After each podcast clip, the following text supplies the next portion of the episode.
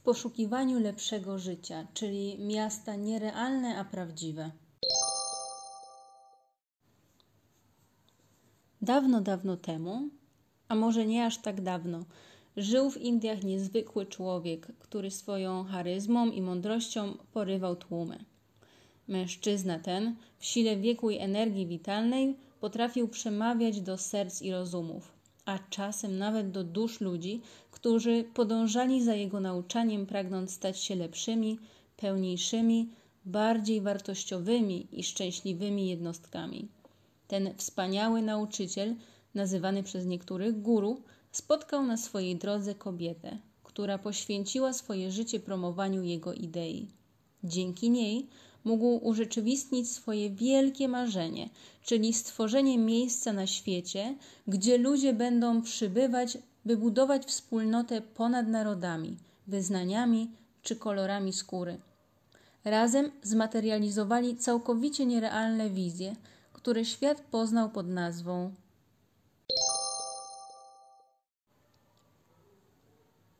Auroville.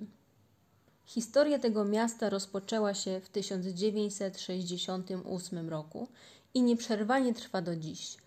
Wszystko zaczęło się od guru Sri Aurobindo i ashramy w Pondicherry, gdzie gromadzili się jego uczniowie.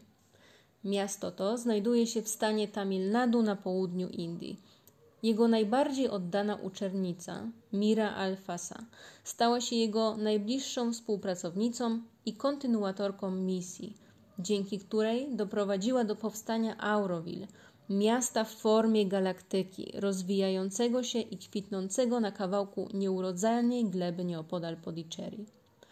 Dzięki swojemu zaangażowaniu stała się duchową matką wyznawców guru i zasłynęła jako The Mother, matka. Auroville można odwiedzić, przyjeżdżając tu jako turysta lub wolontariusz. Jako turyści nie zobaczymy jednak wiele. Na pewno zadziwi nas fakt, że pośrodku niczego i na gorącym piachu udało się stworzyć miejsce tak przyjemnie zielone i pełne klimatycznych zakątków. Po dotarciu do centrum informacyjnego obejrzymy krótki film o wspaniałej idei towarzyszącej powstaniu tego miejsca. Lokalne butiki pełne są towarów produkowanych przez mieszkańców. Od ziół, przez ozdoby, po ubrania i produkty spożywcze. Spacerkiem dotrzemy do centrum galaktyki, czyli złocistego Matrimandiru. Wejście do środka ad hoc nie jest możliwe. Trzeba uzyskać zaproszenie, pozwolenie na wstąpienie do wnętrza tej niezwykłej konstrukcji, by oddać się medytacji. Auroville jest nadal w budowie, bo zawsze brakuje tu rąk do pracy lub funduszy. Sama wizja tego miejsca jest fascynująca, jego historia pełna niepowtarzalnych bohaterów i drastycznych zwrotów akcji. Jeśli chcesz lepiej ją poznać, koniecznie przeczytaj Auroville Katarzyny Boni. Dopiero z książki dowiesz się, dlaczego uczennica przerosła mistrza i co sprawiło, że częściej słyszy się o matce niż guru Sri Aurobindo. Rajnishpuram.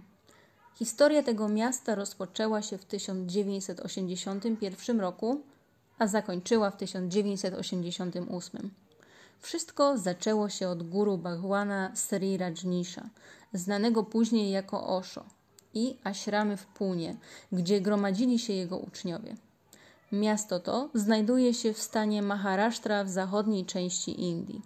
Jego najbardziej oddana uczennica – Sheila Ambala Patel stała się jego najbliższą współpracownicą i kontynuatorką misji, dzięki której doprowadziła do stworzenia Rajnishpuram, ekologicznego miasta powstałego na kawałku dzikich terenów w USA, w stanie Oregon. Dzięki swojemu zaangażowaniu stała się duchową matką wyznawców guru i zasłynęła jako Ma Anand Shila. Rajnishpuram to dziś już przeszłość. W jego miejscu powstał ośrodek dla młodzieży chrześcijańskiej, a dawne duchy ubranych w odcienie czerwieni sanyasinów, budujących swój raj na ziemi, popadł w zapomnienie, by powrócić głośnym echem dzięki produkcji Netflixa Wild Wild Country. Bardzo dziki kraj. Chociaż wielu z nas słyszało o medytacji Osho i spotkało się z jego książkami, nie każdy ma świadomość, jak wielki skandal stoi za sylwetką tego oryginalnego guru. Jego nauki wciąż są żywe, a tłumy odwiedzają Pune, by choć na chwilę uwolnić się od zglobalizowanej, konsumpcyjnej codzienności. Nadal żyją ci, którzy pamiętają świetność Rajnishpuram, jak i ci, którzy zapalczywie walczyli o usunięcie go z mapy Stanów Zjednoczonych. Maanand Shila dziś spłaca swój dług społeczny za liczne nieetyczne zachowania, łącznie z próbami zabójstwa niewygodnych polityków. Dzięki serialowi Netflixa możemy poznać lepiej tę kontrowersyjną postać i bajkową historię miasta, które dzięki niekończącym się dopływom gotówki powstało z dnia na dzień pośrodku niczego. Osho pozostaje dla wielu autorytetem. Ci, którzy wierzą w szczęście ponad podziałami, wciąż podążają jego ścieżką. Jeśli chcesz dowiedzieć się więcej, koniecznie obejrzyj bardzo dziki kraj. Tekst Aleksandra Zalewska. Czytała Aleksandra Zalewska. Dziękuję za uwagę i zapraszam na kolejny odcinek mojego podcastu.